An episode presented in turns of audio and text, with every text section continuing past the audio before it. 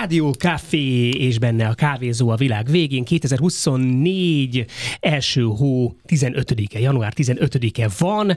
Nagyon-nagyon ügyes vagyok, mert ugye ezt így ki kell, hogy találjam előre, mert hogy egy héttel korábban vesszük fel ezt az adást. Ez most nem egy élő adás, de hihetetlen a technika ma már ezt meg tudja csinálni, hogy ott vagyunk, de mégsem vagyunk ott, és az időben tudunk így előreugrani, és így lesz ez most is, mert hogy én az egyik kedvenc időtöltésemnek hódolok, ez pedig az, hogy a víz Nem mondd el, nem mondd el, nem mondd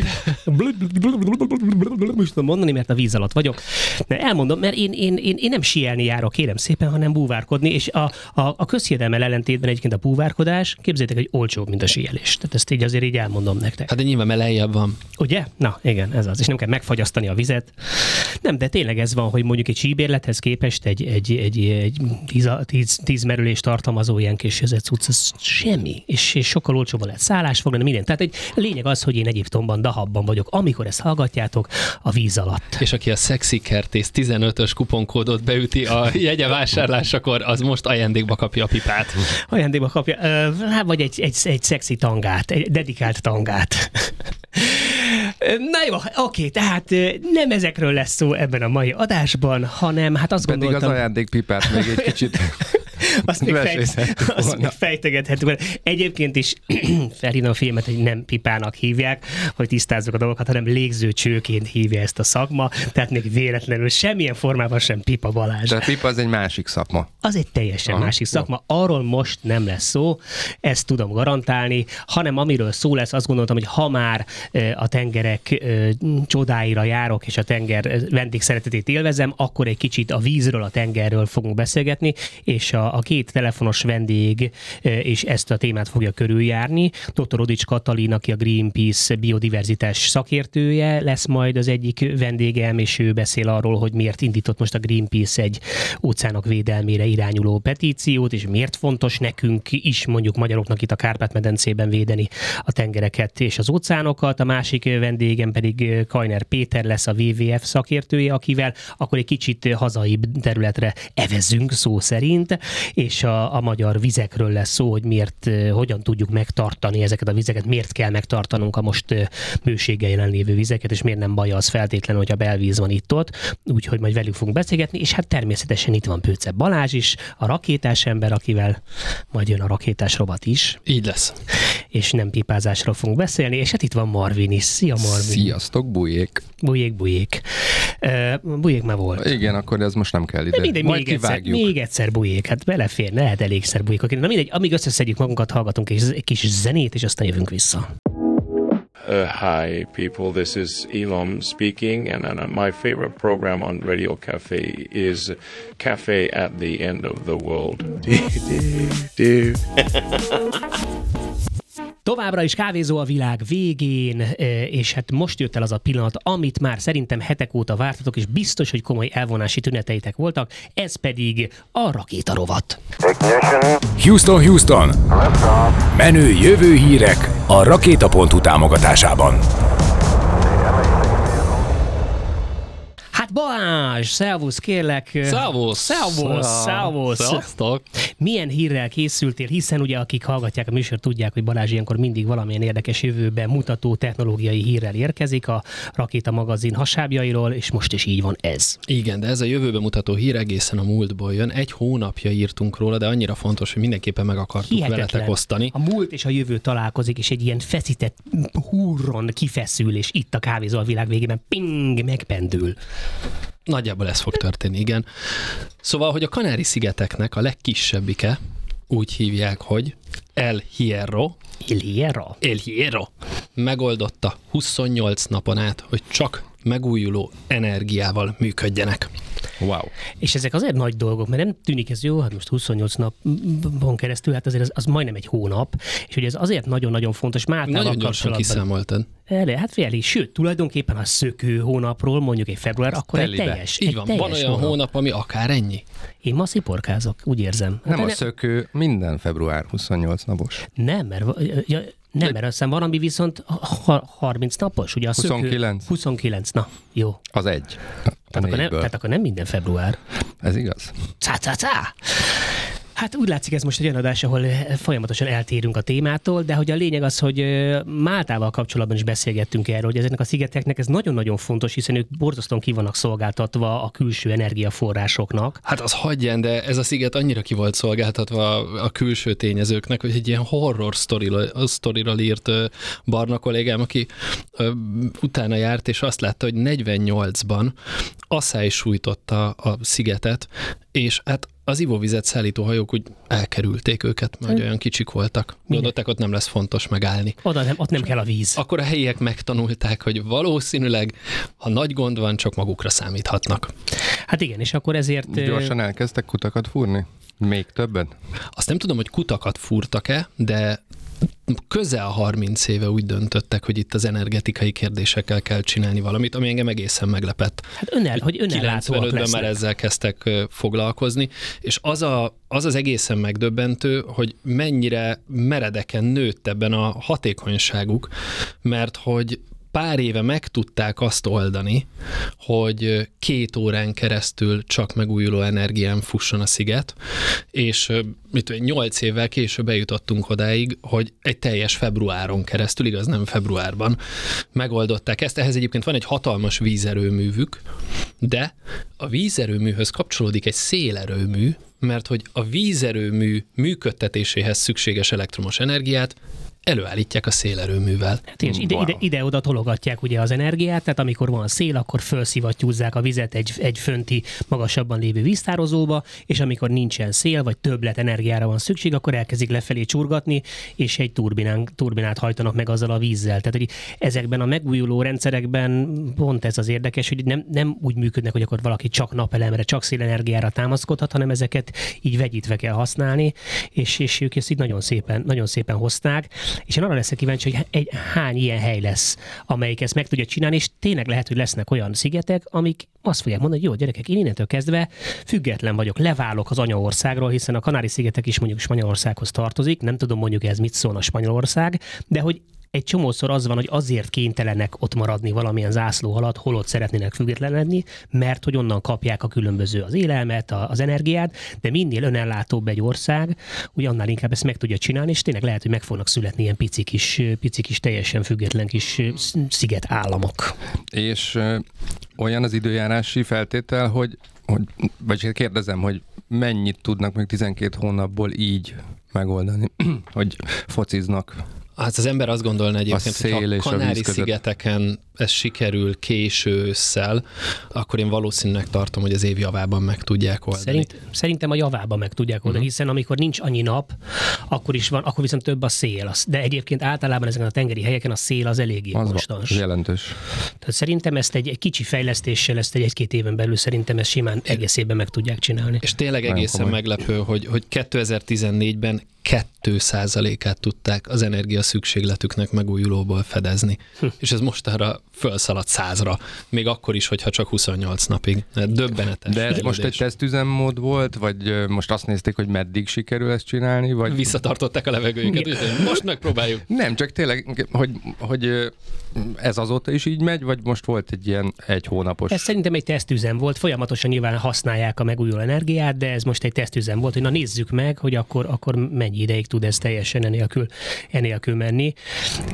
Én arra akartam még visszakanyarodni, hogy, hogy, hogy egyébként az összes, tehát a napelemeknek a száma és a hatékonysága az például egy olyan tényező, ami meghaladta a legoptimistább előrejelzéseket is. Tehát, hogy ezt messze-messze nem gondolták, Magyarországon is például senki nem gondolt, ennek a tizedét gondolták, hogy ennyi napelem lesz Magyarországon, de világszinten is olyan szinten lett elérhetőbb és olcsóbb a technológia, hogy a legoptimistább előrejelzéseket is meghaladtuk ebben ezen a területen. Olyannyira, hogy erről már nem mi írtunk, erről az Ars Technica ír, de szintén egy nagyon izgalmas szám volt, hogy az Egyesült Államok energia igényének egészen 2023. októberig vizsgálták, addig voltak meg az adatok, az 5 helyett már a 6 át tudta a napenergia fedezni, ami azért 5-ről 6-ra 1 százalékban nem tűnik olyan soknak, de hát ha azt, azt nézzük meg, hogy ez 20 é, vagy 20 százaléknyi elő, előrelépés egyetlen év alatt, az rengeteg. Így tartanak most az amerikaiak ott, hogyha összeadjuk, összeadjuk a napenergiát, a vízenergiát, a szelet, és a nukleáris energiát, az már 40%-a az energia szükségletüknek ami még mindig kicsit, ki, kicsit kevés. Azt gondolom, hogy a nukleáris energiával azért ennél magasabbnak kell lenni, de, de hát igen, valahonnan el kell kezdeni. Mondhatjuk, hogy öt, ők ötről a hatra jutottak. Wow! Egyébként egy nagyon izgalmas, nagyon-nagyon izgalmas téma, és valamikor szeretnék majd egy adást szentelni ennek a, ennek a nukleáris energia kérdéskörnek, ugye, mert ebben nagyon megoszlik a, hát igazából nem oszlik meg annyira nagyon a, a közvélemény, mert hogy, hogy elég sokan vannak most már azon a véleményen, hogy nem nagyon lehet megúszni ezt a, ezt a megújuló energia sztorit, anélkül, hogy lenne nukleáris energiánk. Ugye németek azok, akik nagyon történelmileg nagyon óckodnak a, a, az atomenergiától, de ott is úgy tűnik, hogy muszáj lesz beadni a derekukat, és egyébként a COP28-on ez volt az egyik nagy változás, hogy ez a, a, a világ zászlajára tűzték, hogy muszáj a, a nukleáris energiafejlesztéseket tovább növelni, tehát hogy ez nem, nem, nem nagyon van enélkül egyenlőre megoldás. Olyannyira, hogy az Egyesült Államokban ez 18 a az energia szükségletnek, illetve hát a, annak, amiből fedezik az energia szükségletet, míg a szén már csak 16. Na, ez Tehát a, szenet le tudta előzni az Egyesült Államokban a nukleáris energia le a szénnel, elő a zenével. Kávézó a világ végén, és a rakéta rovatunk második etapja következik egy picit másként. Ez általában úgy szokott működni, hogy Pőce Balázs az, aki hoz egy rakétás hír, de én most találtam egy annyira izgalmas hírt valamelyik tudományos magazinnak a, a hasábja. Én nem tudom, előtte nyitva van, hogy melyik mit is osztottam. Ugye igen, az earth.com-on találtam ezt a, ezt a, ezt a hírt, és, és arról szól, hogy AI segítségével sikerült 20 percnyi bálna dalt, vagy bán, bána beszédet dekódolni és lefordítani. Tehát tulajdonképpen megtanították a mesterséges intelligenciát bálnául, annyira nagyon-nagyon sokféle és nagyon hosszú bálna éneket játszottak le a mesterséges intelligenciának, és az fölfedezte benne a mintázatot, és voltak éppen nem csak megérteni tudták ezt a bánáikat, hanem tudtak válaszolni is. Tehát 20 percen keresztül az Küldj volt, hogy... planktont, küldök? Igen, tehát nagyjából szevasz, hello, tetszik, tetszik a hátuszonyod. És köszi, köszi, de én nem láttam a te hátuszonyod válaszolja a bálna, de hogy tényleg ez volt, hogy hangszórókat raktak a víz alá, és a bálnákkal kommunikáltak, akik, akik oda gyűltek a hajó köré, és, és, és válaszoltak. Tehát egy abszolút adok-kapok zajlott, ami fantasztikus távlatokat nyit meg szerintem abban, hogy, hogy, hogy, hogy tényleg lehet, hogy a mesterséges intelligencia segítségével fogunk tudni fajokon belül kommunikálni, ami, ami elképzelhető. Ember az emberrel? Mint, mint ember az emberrel, igen. Tehát, hogy nem, tehát tényleg lehet, hogy az van, hogy, hogy tudsz majd egy, egy a, a bánákkal tudsz egy, egy értelmes beszélgetést levezetni, mondjuk, nem tudom, kantról. Már nagyon várom ezt a pillanatot.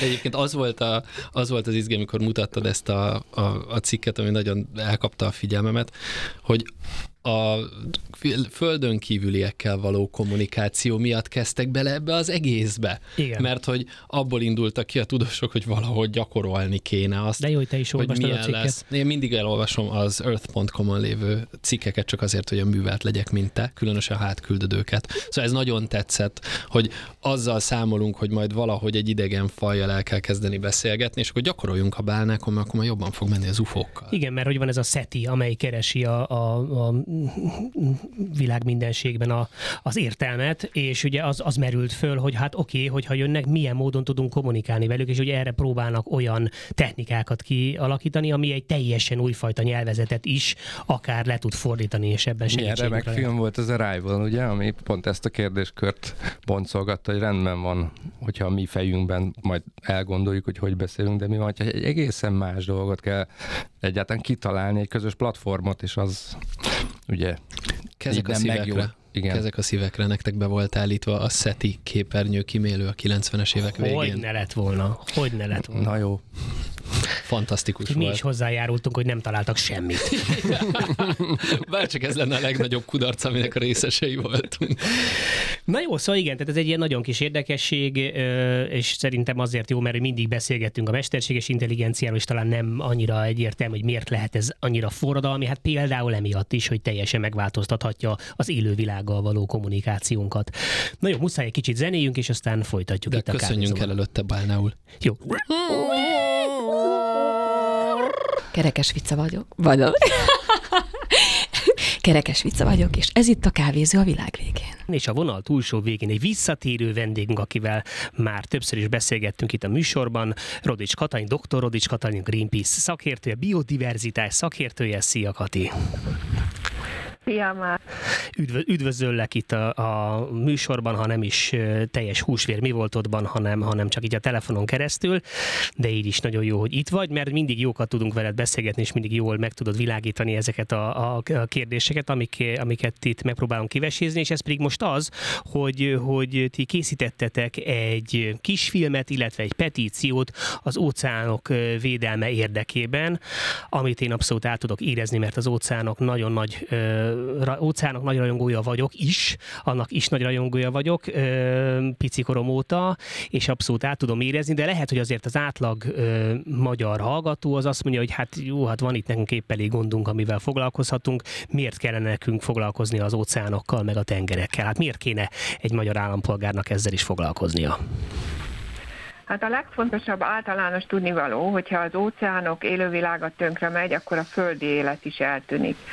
Tehát nagyon-nagyon nagy mértékben függünk az óceánoktól, például minden második lélegzetünket neki köszönhetjük, hiszen a légköri oxigénnek a felét azok az apró kis fitoplanktonoknak nevezett élőlények termelik az óceánokban, amik amik a levegőben lévő oxigénnek a, a felét biztosítják, és hogyha tönkretesszük ezt az életet, akkor csökken, és egyébként sajnos már is csökken a légköri oxigénnek a mennyisége. Aztán, hogy még mi közünk van hozzá, a szárazföldről tesszük tönkre az óceánokat, és ebben nem csak a tengerekkel rendelkező országok a felelősek, hanem mi is, mert ha arra gondolunk, hogy a folyóinkon keresztül mennyi szennyezés megy, itt nem csak a műanyagra gondolunk, mehet.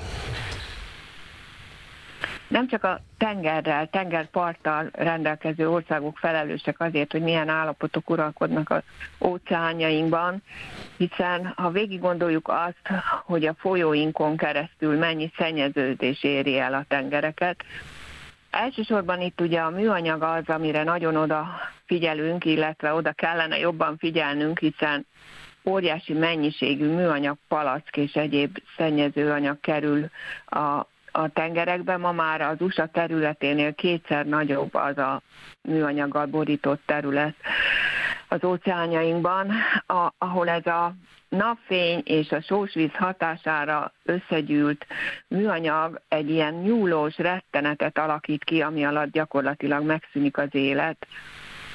De itt azért az ipari mezőgazdaságból származó vegyi anyagok, a a vizelettel, az emberi vizelettel a vizekbe kerülő gyógyszerek, hormonok és nagyon sok egyéb az, ami mind bejut a tengerbe és károsítja az élővilágot. De hát beszélnünk kell arról is, hogy túlhalászat van, és ha bár nem mi halászunk, itt Magyarország nem a tengeri halászatáról híres, de... De azért mi is fogyasztunk, azért mi is fogyasztunk, igen, hát tengeri halat. Ha nem is, valószínűleg nem, nem mi tesszük a legnagyobb ö, hiányt a, a tengeri halálományba, de azért igen, mi is tesszük. Igen, és az európai halászlotta az a európai pénzekből, közösségi pénzekből olyan támogatásokat kapott évtizedeken keresztül, amivel egy akkora mindennel felszerelt halászlottát alakítottak ki a tengeri országok, ami négyszer-ötször annyi halat képes kifogni, mint amennyi van egyáltalán Európa tengereiben. És azért ide jut ebből a tonhal, nagyon kevés olyan büfé valahol nem lehet tonhalas szendvicset enni, vagy füstölt lazacot, és ne áltassuk azzal magunkat, hogyha az, azt mondják, hogy tenyészetből származik a lazac, hogy azzal olyan nagyon sokat lendítettünk a dolgon, és fenntarthatóbbá tettük, mert ezek a lazac tenyészetek is a tengerben vannak, nagyon súlyosan szennyezik azt, és ahhoz, hogy egy kiló lazac legyen, ahhoz 4-5 kiló tengeri halat kell adni táplálékul a növekedő lazacoknak, úgyhogy sajnos én is imádtam, de vannak dolgok, amiket az embernek fel kell adnia azért, ha, ha felelősen gondolkodik, hogy mi lesz a jövőben.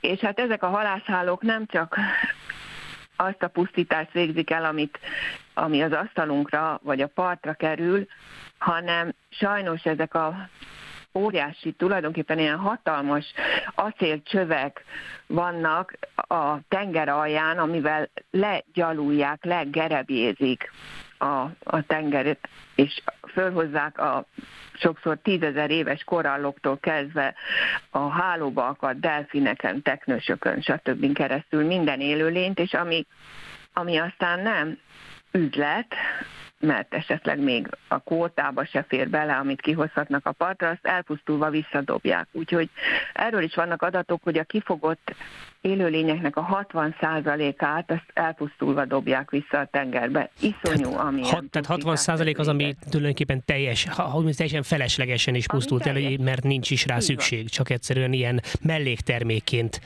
keletkezett a halászat során. Pontosan. Igen, tehát ezek... ezek... Évente... Ja, mondd csak, mondd csak, igen, tudom, még van bőven évente... sajnos mondani. Való. Igen, bocsánat, ha már így beindultam, a mit pusztítunk való, ez nehéz megállni, de 300 ezer delfin és bálna pusztul el évente ezekben a halászhálókban, mert belegabajodik, és ugye ezek remélem nagyon sokan tudjuk, hogy a bálnák és a delfinek nem halak, hanem emlős állatok. És nagyon intelligens emlős állatok. Van szükség, így van fantasztikus állatok, és oxigénre van szükségük, amihez fel kell jönniük a tenger felszínére, és levegőt kell venniük, amint belegabajodnak, akkor ott szenvedéssel elpusztulnak, megfulladnak a tengerekbe, de a tengeri technusok és nagyon sok más faj is. Úgyhogy ez az egész tengeri halászat, hogy mennyire egészséges, mert omega-3 zsírsav, meg stb. óriási pénzeket fordítottak azért a reklámra is. Én azt mondom, hogy fantasztikusan jók a hazai halastavainkból származó itthoni halak, ráadásul ezek nagyon jó kis vizes élőhelyek, nádasokkal, stb. Próbáljunk leszokni a tonhalhoz, és együnk egy kicsit hazai. Akár pontyot, akár, akár sülőt, akármi más, csak, csak itthonról származzon, és ne pusztítsuk ennyire a tengereket.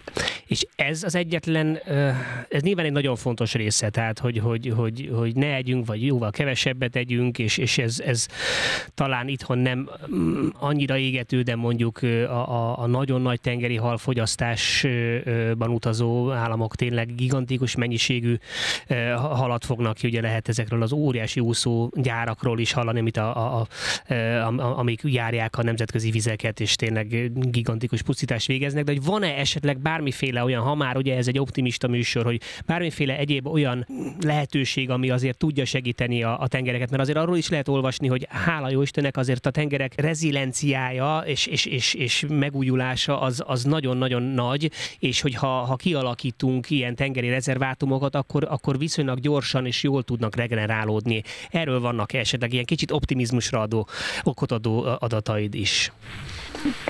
Hát mi természetvédők optimisták vagyunk minden negatív hír után is próbálunk abban hinni, hogy megmenthető az élővilág, és a tengereknél valóban nagyon jók az esélyek. Tavaly márciusban fogadták el a tengerek óceánok védelméről szóló nemzetközi megállapodást, ami több évtizedes munkának a végeredménye, nagyon örültünk nekik de az a lényeg, hogy ez akkor lép életbe, ha az országok ratifikálják, vagyis a parlamentjeik elfogadják. Úgyhogy ezért indítottunk egy petíciót is, Eredetileg is indított egyet a Greenpeace, amit 5 millió ember írt alá, hogy egyáltalán megszülessen ez a nemzetközi tengervédelmi egyezmény ez megszületett, tehát ez nagyon sikeres volt. Most pedig egy újabb petíciót indítottuk, hogy szorgalmazzuk az egyes országokat, hogy fogadják el ezt az egyezményt, ahogy mondtam, a, a parlamentjeik fogadják ezt el, hiszen ekkor fog életbe lépni, és ekkor indul az el, ami ennek az egésznek a célja, hogy a tengerek 30%-a legyen védett. És erre már megvannak az első kijelölések, hogy mik azok a viszonylag jó állapotban lévő rendkívül fajgazdag tengeri területek, amiket el kellene kezdeni védetté nyilvánítani, mert hogy a tengerek, ahogy te is mondtad, egy nagyon jól összefüggő rendszer, könnyen áramlanak a pozitív és negatív hatások is a vízben, nem úgy, mint a szárazföldön, ahol folyók, hegyek választják el az egyes részeit a, a szárazföldnek. Itt tulajdonképpen, ha a 30% védett lesz, és ott békén hagyjuk az élővilágot, nem halászunk, nem csinálunk mélytengeri bányászatot és egyéb például zajhatások, amik, amik sajnos nagyon-nagyon súlyosan károsítják a hallásukkal tájékozódó élőlényeket, akkor itt szaporodnak, és innen tulajdonképpen ki tudnak úszni, kiáramlik a pozitív hatása ezeknek a védett területeknek a tönkretettek felé, ahonnan regenerálódni tud a tengerek többi része is. Úgyhogy valóban van remény, de nagyon gyorsan el kellene kezdeni ezeket létrehozni. Igazán a Greenpeace is azon dolgozik, hogy még a ratifikálással együtt azért az egyes országok kezdjék el azt is elfogadni, hogy mik legyenek ezek az első védett területek, mert ha most megvárjuk, amíg tíz évig majd 55 ország ratifikálja, aztán még 10 évig azon gondolkodunk, hogy mik legyenek a védett területek, akkor sajnos kicsúszunk az időből, úgyhogy nagyon gyorsan kell cselekednünk, hogy ez tényleg hatékony legyen. Nekem az a furcsa ilyenkor mindig, hogy, hogy valójában azok az emberek, akik ebből élnek, tehát hogy mondjuk akiknek ez a bizniszük, és értem, hogy mondjuk egy olyan, nem tudom, család, amely generációk óta halászatból él, az azt mondja, hogy hát de hát nekünk ez a, ez a megélhetésünk, ezt mi hogy várják el tőlünk, hogy ezt föladjuk, de hogy, hogy ha, ha, ha többet halászunk, mint amennyit a tenger termel, akkor nekik se lesz mit halászni. Tehát, hogy nekik is érdekük lenne az, hogy, hogy ezek a védett területek létrejöjjenek, hiszen ezek garantálják azt, hogy a jövőben is lesz hal. Tehát, hogy, hogy ne csak most az legyen, hogy ma mit fogok ki, hanem hogy eh, igen, ha generációk óta halászátok a tengereket, akkor talán lesz remény arra, hogy az unokád is fog tudni e, valamilyen e, fenntartható és racionális halászatot végezni, hogyha tud regenerálódni a tenger. Tehát számomra ez a furcsa, ez a rövid távú, nagyon-nagyon nagyon rövid távú gondolkodás. Nem baj, ami most van, az kell, a többi meg le van tojva. Amit elmondtál, az abszolút igaz, és azok a kis halászok, akik a tengerparton élnek, és azok a halász közösségek, amelyek a tengerparton tulajdonképpen a, a föld lakosságának a 40 százaléka függ a tengerben lévő élővilág jólététől, hiszen ebből él, de ezek a hatalmas nagy halfeldolgozó üzemek, amiket te is említettél, ezek az óriási halászlották, amik felveszik az óriási támogatást a mai napig, ezeknek tényleg a, a abszolút rövidtávú céljaik lebegnek a szemük előtt, minél többet kifogni, a támogatást fölvenni, és ez nem az egyes embereknek a, a gondolkodásától függ tulajdonképpen meg a jó érzésétől, hanem nagyon sok cég ugye profitorientáltan működik, ha én jó gyerek vagyok, és nem pusztítok annyit, akkor kevesebb lesz a profitom, és akkor a, az éhesebbek, azok, akik nem tartják be esetleg ezeket a hosszú távú célokat, azok előnyben részesülnek, és én megyek tönkre, ő meg tovább él. Tehát itt azért ezek a, a nagy lobby és hatalmas cégek, lobby érdekekkel működő hatalmas cégek, ezek sajnos ugyanúgy a halászatot, mint a nagyüzemi mezőgazdaságot és sok egyebet uralják, annyira, hogy a józan emberi gondolkodás már kiszorul, és valahol csak a profit irányítja őket, holott abszolút igazad van és ezért tulajdonképpen például egy nagy öröm volt, hogy két évvel ezelőtt megjelent egy közgazdász, Dazguptának hívták, vagy hívják, jelentése, amiben most már a közgazdászok is felismerték azt, hogy itt nagyon gyorsan változtatni kell, mert össze fog omlani a gazdasági rendszer is a világban, nem csak a tengerrel kapcsolatos, hanem a mezőgazdaság, hiszen a talaj is tönkre megy, minden tönkre teszünk, tehát ezeknek a nagy cégeknek is az kellene, hogy legyen az érdeke, ha, hogy sürgősen változtassunk. Hát reméljük, hogy észbe kapnak időbe. Hát reméljük, és mi annyit tudunk tenni, mi pici emberek, egy-egy cseppként a nagy tengerben, de hát összesen, ha összeadódunk, akkor abból eh, egy tenger születik, hogy, hogy sokan aláírjuk most ezt a petíciót is, amit hol találnak meg a kedves hallgatók.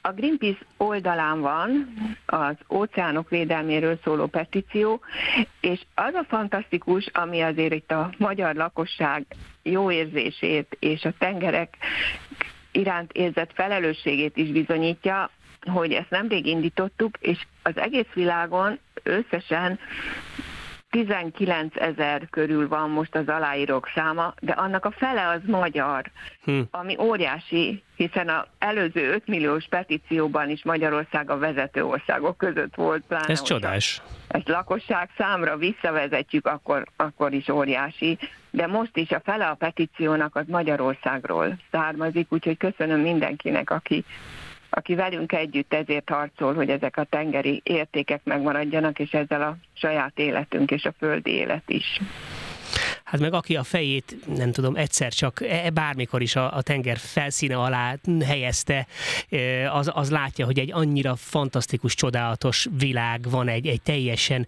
e, egyedülálló másik dimenzió, ami, ami, ami lenyűgöző. Tehát, hogy ez, ez ha, ha, ha másért nem, akkor ezért is kellene erre vigyázni, mert ez tényleg egy, egy, egy, egy csoda, és, és rendkívül fontos, hogy vigyázzunk rá, mert, mert nagyon-nagyon illékony, és aztán már csak nem tudom. Még csak mesélni se fogunk tudni róla, mert ahogy mondod, hogy a tenger nélkül nem fogunk tudni létezni, tehát hogy ez tényleg létkérdés. És azt is tudnunk kell, hogy mit nem tudunk. És volt egy tíz éves óriási felmérés, több ezer kutató, rengeteg expedíció, hogy egyáltalán megállapítsák azt, hogy hány faj él a tengerben, és azt tudták megállapítani, hogy körülbelül a 90%-át a tengerben élő élőlényeknek még nem ismerjük. Hm.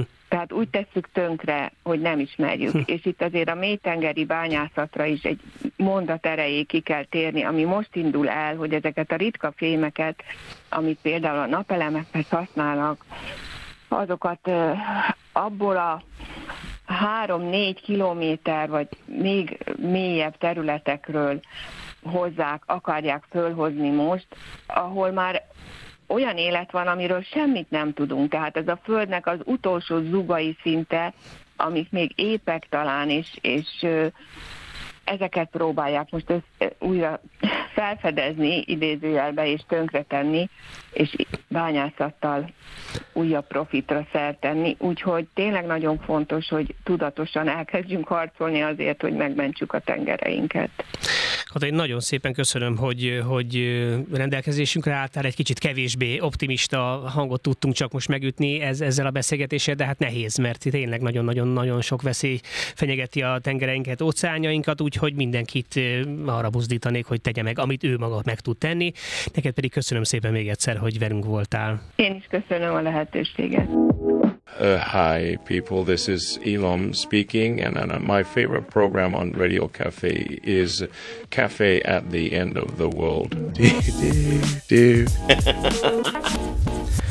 Kávézó a világ végén továbbra is a Rádió Café 98-on, és hogy ne csak a sós vízzel és a távoli tengerekkel és óceánokkal foglalkozzunk, hanem egy picit a hazai vizekkel is, hiszen a víz az mindenhol alap, kéne, hogy legyen. Így beszélgessünk egy kicsit a magyar vizekről. Kajner Péter a vendégem a vonal túlsó végén, aki a WWF élő folyó program szakértője. Szia Péter! Szia, köszöntöm a hallgatókat! Szia! Hát most azt nem lehet mondani, hogy eddig ez egy, egy száraz év, illetve hát ugye a tavalyi év, mert most már jövő évben vagyunk, de hát az ember még mindig hajlamos erre az évre így gondolni. Tehát, hogy ez, ez mindenféleképpen egy csapadékban bővelkedő időszak ez a mostani. Ez, ez jó vagy rossz? Ez mindenképpen jó ahhoz képest, hogy előtte milyen tragikus szárazság volt. Ugye Magyarországra szeretünk víznagyhatalomként gondolni, de hogy mennyire sebezhetőek vagyunk valójában, arra rávilágította a 2022-es történelmi asszály, ami tényleg annyira száraz volt, amilyet még a 20.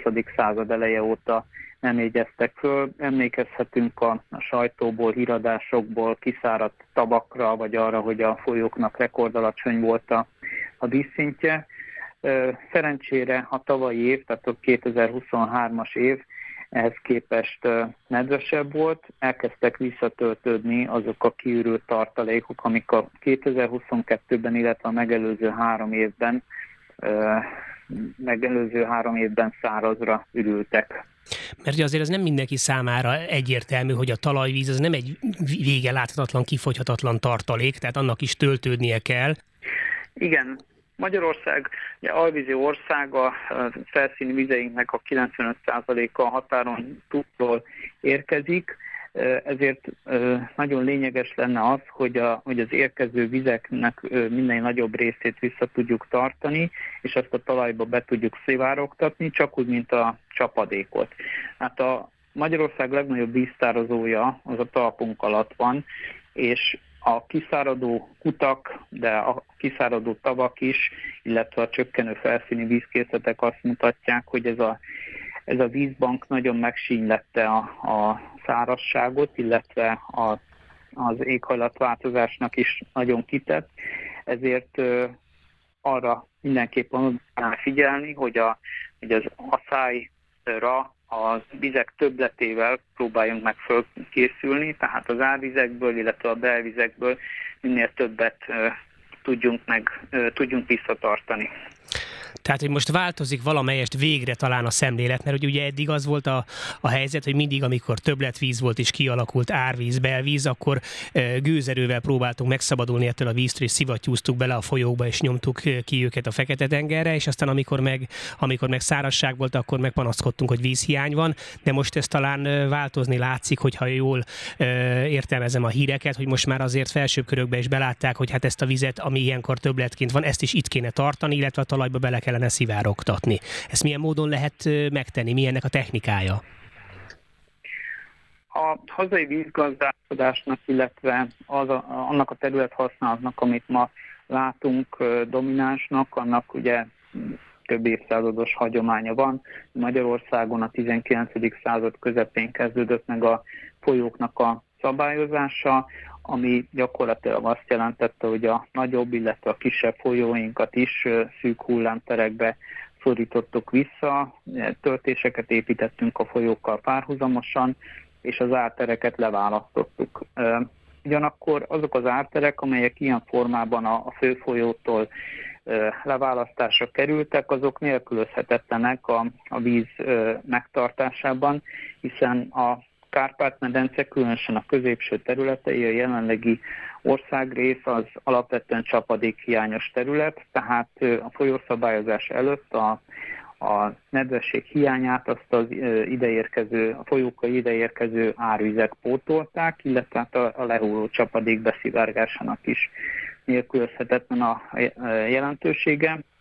A folyószabályozás után a korábbi vizes élőhelyek szinte teljes mértékben eltűntek, nagyon kicsire redukálódott a, a hányaduk, és a területek nagy részét azt szántóművelésbe fogták, illetve a városok, meg a terjeszkedő infrastruktúra foglalta el, és hát ha lehet így mondani, egy olyan állapot alakult ki, amikor nincs helye a víznek a tájban. Tehát azt tartjuk, hogy úgy mondjam, normálisnak, hogy hogy amikor sok a víz, akkor vezessék el, amikor meg nincsen, akkor valahonnan vigyenek oda, de ez így nem működik. Tehát, hogyha a tájban nem biztosítunk helyet a víznek, tehát mondjuk az ilyen ö, csapadékos időkben ö, a belvizet nem annyira áldásként, mint átoknak tekintjük, akkor nem lesz miből betározni a száraz időszakokra.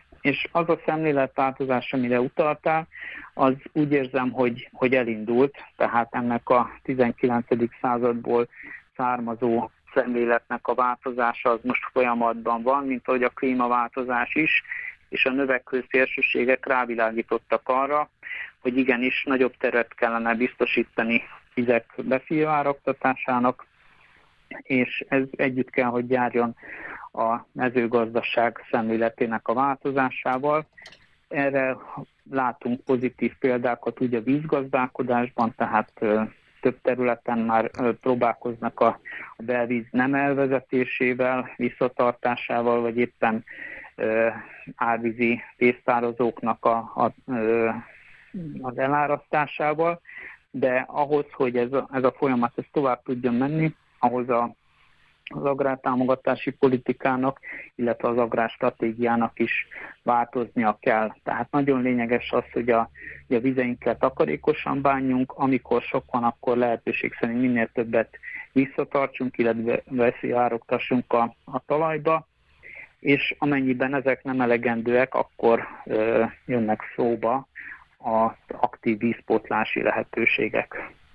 Tehát akkor egyrésztről, ha jól értelmezem, akkor, akkor van egy olyan megközelítés, hogy a belvizeket nem feltétlenül kell azonnal elszivattyúzni a területekről, hiszen azért ott is előbb-utóbb el fog szivárogni, bele fog szivárogni a talajba, még hogyha ez tovább is tart.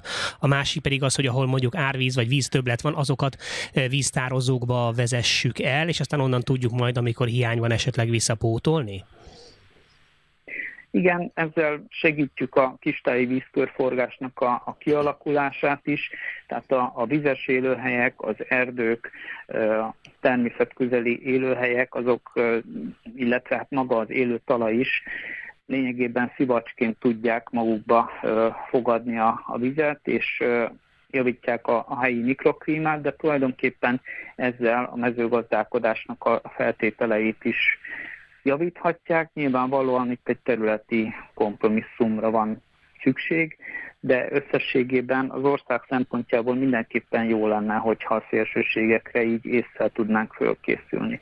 Ugye azok a belvíztengerek, amiket sokszor képeken látunk mostanában, azok néha azért alakulnak ki, mert ugye a talajt nehéz gépekkel műveljük, kialakul egy úgynevezett eketalp réteg, ami ilyen ö, egy összetömöredett talajréteg, ami, ö, ami vízzáróként működik, tehát ö, azért is gyűlik össze a, a talaj felszínén a belvíz, mert nem tud rendesen beszivárogni. Hogyha mondjuk a homokhátságot nézzük, akkor ott ilyen belvíztengereket alig-alig látunk, vagy egyáltalán nem, és pedig azért, mert ugye ott a, a homok azonnal elnyeli, ezen a félsivataggá nyilvánított területen a vizet, óriási mennyiségű víz hiányzik a talajból, de ez sokszor azért nem látszik, mert az eketalpréteg, vagy éppen a, a talajadottságok miatt a víz nem tud gyorsan beszivárogni,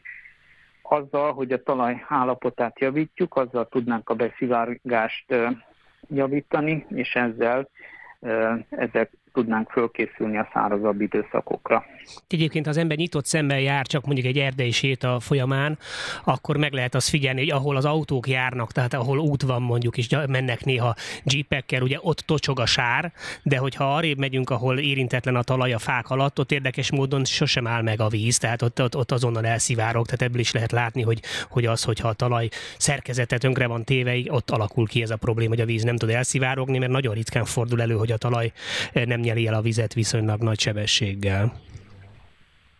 Igen, pontosan erről van szó, ez a, ez a logika, hogy ugye a természet, természetben az élő talaj sokkal nagyobb mennyiségű vizet tud befogadni. Igazából egy köbméter élő talaj akár 500 liter vizet is képes tározni. Tehát ez egy nagyon lényeges eleme a, a dolognak, de az, hogy ugye most a, Dunán, a Dráván és a Tiszán is vonultak le árvizek, ezek szerencsére katasztrófát nem okoztak, de ez is mutatja azt, hogy vannak olyan készletek, amelyekből lehetne még vizet betározni. A, a Tisza mentén a Budapesti Műszaki Egyetemen Koncsos László és munkatársai számították ki azt, hogy óriási mennyiségű vizet lehetne betározni, mint egy 200 ezer hektárnyi olyan mélyártér van, ami elméletileg arra alkalmas lehetne, hogy befogadja a vizet, és ezzel mint egy két köbkilométernyi, tehát több mint egy balatonnyi vizet lehetne tárolni. Ezek nyilván elméleti lehetőségek, de a gyakorlatban ez alapja lehet egy olyan területi kompromisszum keresésnek, amikor a gyengébb minőségű szántóterületeket a víz visszatartására, és ezáltal a térség szintjét tekintve a, a gazdálkodási feltételek javítására, illetve az élőhelyek gyarapítására tudnánk használni. Tehát egy ilyen irányba érdemes lenne tájékozódni és elindulni. Tehát mindenféleképpen egy szemléletváltás kellene a tekintetben, hogy nem biztos, hogy a leggazdaságosabb az, hogyha szántóföldként használunk fel egy területet, hanem lehet, hogy sokkal jobban járunk azzal, hogyha azt a kevésbé jó minőségű földet inkább arra használjuk, hogy ártérként felhasználjuk és beszivárogtatjuk ott a vízünket, ami később viszont a mezőgazdasági területeken, ahol jó a föld, ott viszont újra hasznosítható. Igen, tehát ezeket a területeket, ahol a víz áll mondjuk most, ezeket nem elveszett területeknek kellene tekinteni, hanem olyan mikroklímajavító, tehát a termelési feltételeket javító területeknek, amivel a gazdálkodó hasznot hajta a közösségnek, de adott esetben saját magának is. Tehát e, ezt a közösségi hasznot, ezt a, a közös agrárpolitikának a támogatási rendszere is egyre inkább elismeri. Tehát a tavalyi évtől jött be egy olyan jogszabályi változás, ami már nem bünteti kifejezetten a gazdálkodót azért, mert víz áll a területén, nem kell levonni a, a területalapú támogatási alapból azt a területet, ahol víz áll, de nagyon bízunk benne, hogy a közös agrárpolitikának a változó eszköztára, illetve jövőre az agrárkörnyezetgazdálkodási programcsomagok további ösztönzőket fognak nyújtani a gazdálkodóknak. Ugye ez olyan területeken, ahol kevésbé gazdaságos a termelés, és egyébként pedig vizesek, ott megváltoztassa a művelésnek a, a módját, természetközelibb módszereket alkalmazzon, és ezzel összességében segítse az elleni védekezést is. Azt lehet tudni, hogy a gazdák hogy viszonyulnak ehhez a dologhoz, hiszen ők gondolom úgy vannak ezzel, hogy minden olyan terület, amit ők nem tudnak mezőgazdaságra felhasználni, az nekik veszteség, és hogy azért ennek, oké, még hogyha ha mondjuk esetleg kapnak is kárpótlást, azért talán mégis úgy vannak vele, hogy a legjobb az, hogyha, hogyha arra tudják használni a földet, amire szeretnék, tehát hogy, hogy hogy állnak hozzá az ő frontjukon ehhez a dologhoz, megértik-e a gazdák, vagy kezdik-e érteni, hogy mi itt ennek a, az egész dílnek a lényege? A VDS Magyarország több mint a területen is dolgozik Magyarországon, felső Tiszán a Berekben, közép Tiszán Nagykörű környékén, illetve a homokhátságon Jászent László környékén. Hogyha röviden vagy nagyon közérthetően szeretném összefoglalni a tapasztalatokat, akkor azt mondhatnám, hogy a az, hogy a gazdálkodók hogy állnak hozzá, az attól is függ, hogy a helyzet mennyire rossz. Tehát a, a homokhátság gazdálkodóinak a túlnyomó többsége számára egyáltalán nem kérdés az, hogy a, a terület katasztrofális mértékben szárazodik, és minden csepp vizet kellene tartani, tehát néhány kivételtől eltekintve ez a szemlélet.